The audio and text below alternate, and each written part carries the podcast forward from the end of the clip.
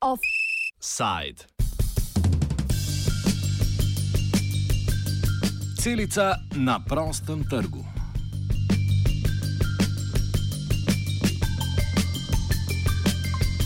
Nepremičninski posli mestne občine Ljubljana so zopet pripeljali do točke vrališča. Tokrat se je v primežu poslovnih interesov znašel hostel Celica na Metelkovi 8. Sodeč po objavi na javni dražbi, MOL celico prodaja zgolj kot nepremičnino, poslovni prostor brez opreme z izklicno ceno 2 milijona 340 tisoč evrov. Ko je informacija o načrtovani prodaji po Vinkih prišla do programskega in poslovnega vodstva celice, to sta kulturno-umetniško društvo Sestava in podjetje Show Hostel, so sklicali tiskovno konferenco, kjer so predstavili svoje razloge za nasprotovanje prodaji. In razlogov kar mrgoli.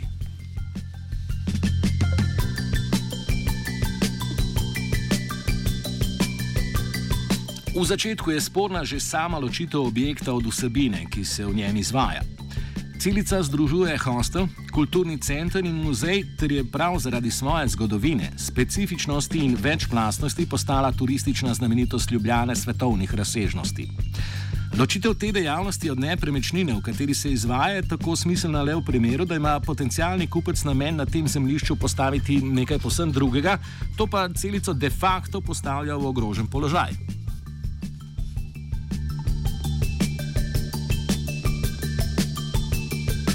Janko Rožič, vodja celičnega programa, je po vodni glasbeni točki na vzočem tako predstavil zgodovinski in kulturni pomen hostla in njegovih sodelavcev.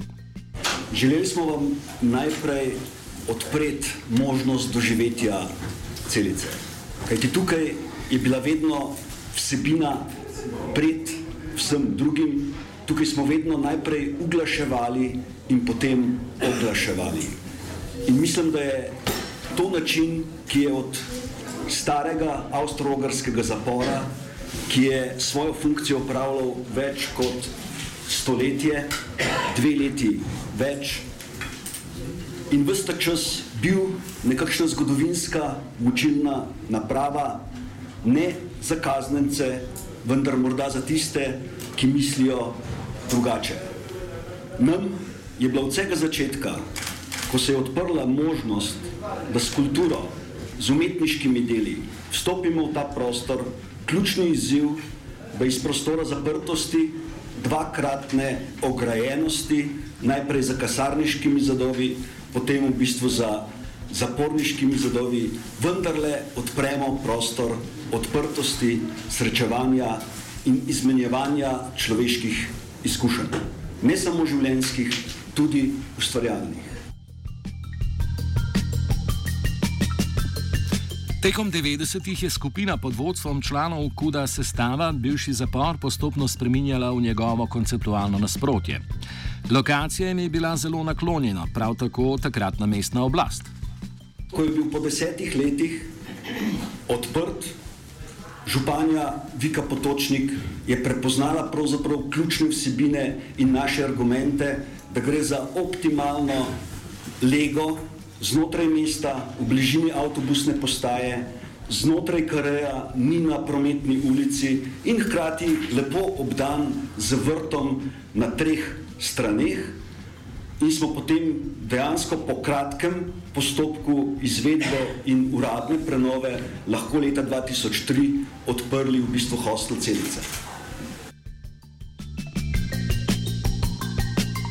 Od tedaj se je razpoznavnost celice kot kulturne in turistične znamenitosti samo večala. Kolektivu, ki jo je upravljal, pa je uspelo spostaviti trajne vezi z ustvarjalci z vse posod, številni izmed katerih so razpoznavni tudi na svetovni ravni. Rožič prav zaradi tega prispešuje prodajno logiko mestne občine. Tukaj noter imamo dela Antonija Gormlja, ki je v tem trenutku eden najvišje kotiranih avtorjev v sodobni umetnosti. Tukaj imamo arhitekta iz Finske, Johanja Palasma, cela soba v bistvu je njegova, ki je v tem trenutku, če omenim samo svetovno znanega kolega, ki je rekel za Johanja Palasma in to uh, avstralski arhitekt Glenn Mulcat, da to, kar je Johani Palasma sprožil v zgodovini arhitekture zadnjih 30 let, je unikum v bistvu v svetu. Kako naj prodamo in komu lahko prodamo taka vrhunska in tako dragocena umetniška dela. Če v tem trenutku mesto prodaja celico kot nepremičnino, kot poslovni prostor, brez opreme. Mitja Okoren, slikar in član Kuda sestava, temu dodaja še vlogo, ki jo je hostel z nudenjem kapacitet za mladinski turizem odigral pri splošnem večanju turistične atraktivnosti Ljubljane. Dejstvo je, da mesto je zato tukaj, da bi take prostore spomina in ustvarjalnosti ščitilo, eh, zato so tudi v mestni lasti. Eh, ni tukaj zato, da služi s temi stvarmi. Mislim, da, da ste tukaj vi mediji in mi, da mesto nazaj dopovemo, kaj je bistvo.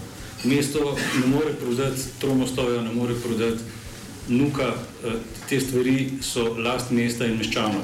In ta prostor je tudi na nek način zaradi vsega, kar je mesto pretrpel, tudi skozi ta prostor in zaradi vsega, kar je, kakšne možnosti je tudi odprl mestu, ta prostor s prenovo, Sam, če pogledamo, kakšen turističen uh, razvoj je sledil, in mnogi trdijo, da je tudi predvsem skozi mladinski turizem se začela ta turistična renesansa v Ljubljani. In to je bil prvi hostel, mi smo imeli strašne težave že od samega začetka, tudi z mladim turistom, ki je bil tudi inicijator uh, spremembe, uh, ker je bilo to čist uh, nerazumljivo in obla oblasti in uh, turističnim organizacijam, da je mladinski turizem lahko prihodnost. Informacijo o načrtovani prodaji so člani Kuda sestava prejeli posredno preko direktorja podjetja Show Hostel Tomaža Juvana. Tam pa je informacijo prejel po elektronski pošti. Med molom in predstavniki celice ni bilo nikakršnih direktnih stikov v zvezi s prodajo, po Rožičevih besedah pa se je odnos z občino slabšal že več let. Ja, na razpisu v bistvu nismo dobili, uh, potem ko smo imeli štiriletni programski razpis, recimo, ko je bil dejansko uh, tudi naš novi razpis z referencami, kjer lahko rečemo, da so bile močnejše kot takrat pred štirimi leti, recimo, ampak smo bili nekako zavrnjeni. Dobili smo potem samo za posamični program glasbe, še sred, za en program v bistvu, še del teh sredstev. Ne, tukaj smo že morali našo dejavnost tako rekoč zmanjšati, se je pa to začelo že 2011. leta na spletni strani ali pa spletni platformi, ki smo jo odprli zdaj in smo res krepko delali v tem času, boste lahko dobili tudi dokumente tega pismo iz leta 2011, kjer smo zaslutili, da je pravzaprav uvedba najemnine, ki v izhodišču nikoli ni bila mišljena. Če kot pričevalec lahko rečem, na začetku je mesto razmišljalo, da bo moralo subvencionirati nizke cene hostla za mlade ljudi v bistvu po svetu, in je bilo pripravljeno na to, tudi pomislili so na to, da bi pravzaprav tak objekt kulturne dediščine sam sebe tako pokrival, kot pokriva v bistvu celica, da bo prišlo do najemnine, kajti Evropa, če lahko to še povem, v bistvu za objekte kulturne dediščine da iz proračuna denar za prenovo. Potem pa še pet let podpira program, ki naj bi po petih letih morda vzdrževal objekt kulturne dediščine. Celica je bila tudi tukaj fenomen, kajti uh, od prvega trenutka se je vzdrževala s presežkom sama. Formalni predpogoj za poteze mestne občine je bil prenos 25-odstotnega deleža lastništva celice iz študentske organizacije Univerze v Ljubljani na MOL. MOL je tako danes 100-odstotni lastnik nepremičnine, še hostel pa le najemnik. Zgodovino lastništva povzame Rožič.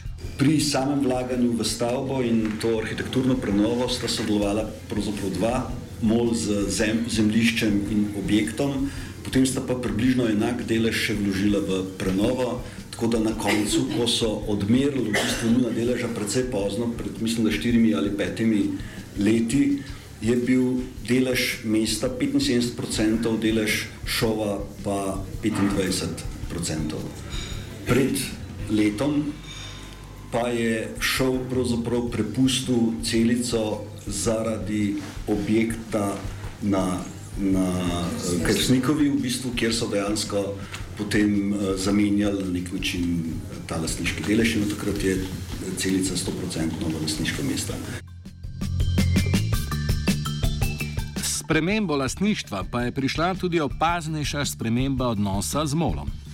Zdaj, če komentiram mogoče kot nekdo ali pa kot mi, ki smo vse čas skrbeli za kulturni program, seveda bili tudi prisotni na nadzornih odborih, uh, se je dejansko videl, da dokler se sta bila lastnika dva, morda tudi brez viz, mislim, ne z veliko vizijo, ampak vendarle nista mogla ne eden, ne drugi potegniti neke usodne poteze, se pravi v taki položaju se je dal pravzaprav resnično ustvariti to vrhunsko, rečemo, svetovno prepoznano znamenitost. Ne.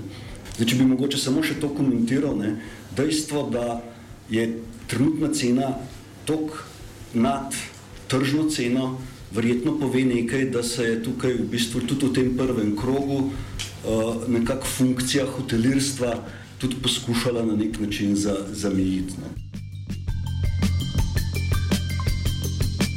Celica ima dva vira financiranja: razpisno dejavnost in hotelirstvo. Občina je ob prevzemu lastništva dvignila, dvignila najemnino, zmanjšal pa se je obseg razpisnih sredstev za kulturo.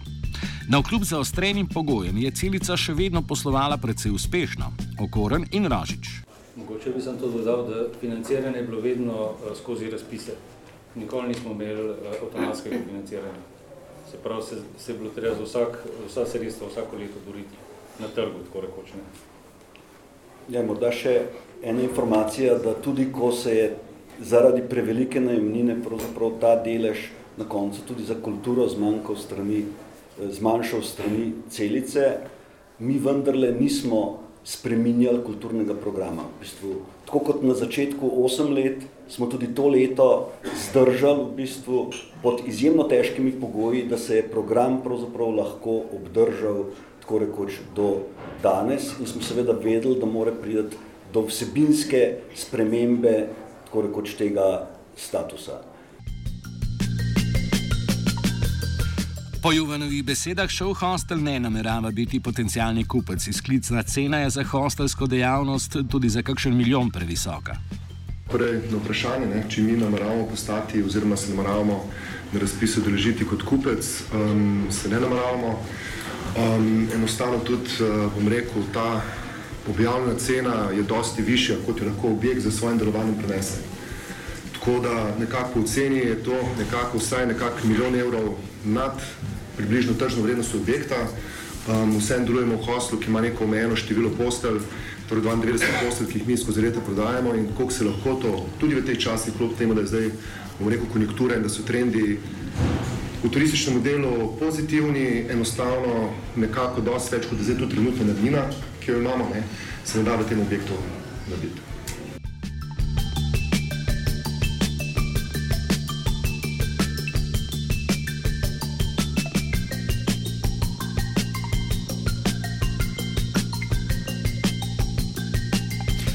Jovan v nadaljevanju tudi razloži, kako se je najemnina spremenjala skladno z lastništvom in kako je to vplivalo na poslovanje. Ja, najemnina se v bistvu v tem se je spremenila, ker um, prej sta bila dva lastnika objekta, ne, torej um, Mol in Šov. Šov se potem iz te zgodbe celotno makne in ko se šov makne, pač uh, mi šov nismo plačevali najemnine. Um, ko je postal pa Mol 100% lastniki, pa celotno najemnino. Um, ja, kar tudi bi bilo težko drugače narejeno, ker on če je postal 100% tudi ni mogel spremeniti konc koncev mesta. Tako da to je bilo pričakovano takrat. Je pa to za nas sigurno pomenilo, bom rekel, dost težjo tudi finančno pot potem za naprej, kar bo bila tudi dobra sezona konc koncev, da lahko rečemo, da smo um, zelo dobro tudi v tem letu delali, um, da smo tudi vse namenili sredstva, kot se stavi za kulturno-umetniško delovanje v hostlu, tako da je ta zgodba šla nemoteno naprej. Zgodovine uporabe spomniške zaščite, njene prednosti in slabosti povzameta Vesna Krmel, predsednica uh, KUT sestava ter Žiga Okoran. Dejansko je ta zaščita v koncu 90-ih ustavila nadaljne, ker pač takrat um, je potem so odstopili od rušenja Metelkove. Ne? In je celica že takrat s to zaščito obranila cel prostor severnega dela Metelkove. Ja, zanimivo je mogoče okrog zaščite, da ob prenovi uh, smo mogli sodelovati z Zavodom za spomeniško varstvo. So oni potrjevali spremembe na fasadi, barvo, uh, podiranje dimnikov, uh, delanje svetlovnic. Tako da na nek način so oni po tej zaščiti na mestnem svetu, kjer je zaščitena kot zgodovinski pričevalni mestni spomenik, ki se mu doda ta, ta vsebina, ki se je kasneje dodala uh, so oni to sprejeli, kot da je zaščiteno. Mislim, oni so, mi smo mogli vse načrti tja nositi in se za vsako stvar dogovarjati in dobiti potrditev z njihove strani. Tako da čist zaščitel, uh, jo pa na nek način tudi nismo, ker mogoče je, uh, je le neka razlika ne? med dediščino, ki jo zaščitaš in iz nje ne moreš nič narediti, pa med procesom, ki, ki je bistvo tega. Ne? In tudi zaradi procesa je ostala, ne? če ne bi bila že zdavni porušena. Da strani občine in z njo povezanih poslovnih interesov obstaja zanimanje za zemljišče na Metelkovi 8 je že dolgo znano. Menjajo se predvsem konkretni interesenti. Rožič. V 90-ih letih se je tukaj lastnik menjal, v bistvu, medtem ko gradbeni interes je ostajal isti. V bistvu, tukaj ta še, še ena, tukaj ni bilo levo, desno, recimo pomembno, kajti imos, ki zdaj žal ne obstaja več na nek način, je bdel nad to parcelo. In tudi ko smo mi v bistvu 98. leta zaščitili ta objekt kot zgodovinsko dediščino na mestnem svetu s pomočjo odbora za kulturo, eh, smo imeli kar težke pritiske do zadnjega trenutka, ko smo nesli gradbeno dovoljenje v bistvu na upravno enoto, nam je čez noč nekdo spremenil, spremenil v bistvu uh, urbanistično lokacijo in naredil neusklajeno uh, gradbeno dovoljenje z urbanistično lokacijo, tako da so upali v bistvu, da mogoče projekt sploh ne bo stekel. Ne. Tako da kar se tiče, rečemo, interesa nad tako lokacijo, je vsekakor verjetno tudi v zdajšnjih razmerah ne, uh, zelo močan. Šov Hostel ima najemno pogodbo za prostore hostla celica sklenjeno do konca tega leta. Če in kdaj bodo morali prostor zapustiti v podjetju, še ne vedo. Najslabša možnost pa bi bila, da bi se morali izseliti v začetku poletja, ko se zaključi mrtva sezona. V tem primeru bi dejavno zaključili z izgubo. Zato Juvan poudarja, da je realna možnost, da bodo prostor zapustili že 1. januarja.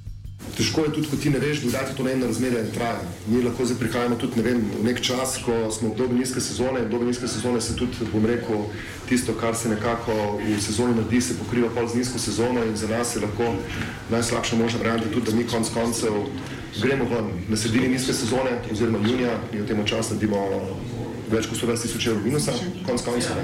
Um, in da ne veš, kdaj lahko se to zgodi, recimo, da mi gremo mi 1. junija kot najslabša možnost je tudi konec konca za naše podjetje pogubno. Tako da mi načeloma um, smo zdaj na tem, da tudi za zaposlenimi in vsemi ostalimi je pač opcija, da mi gremo za prvi prvi. Seveda pa Rožič napoveduje, da se bodo v primeru neodzivanja mestnih oblasti obrnili tudi na vlado in širšo javnost.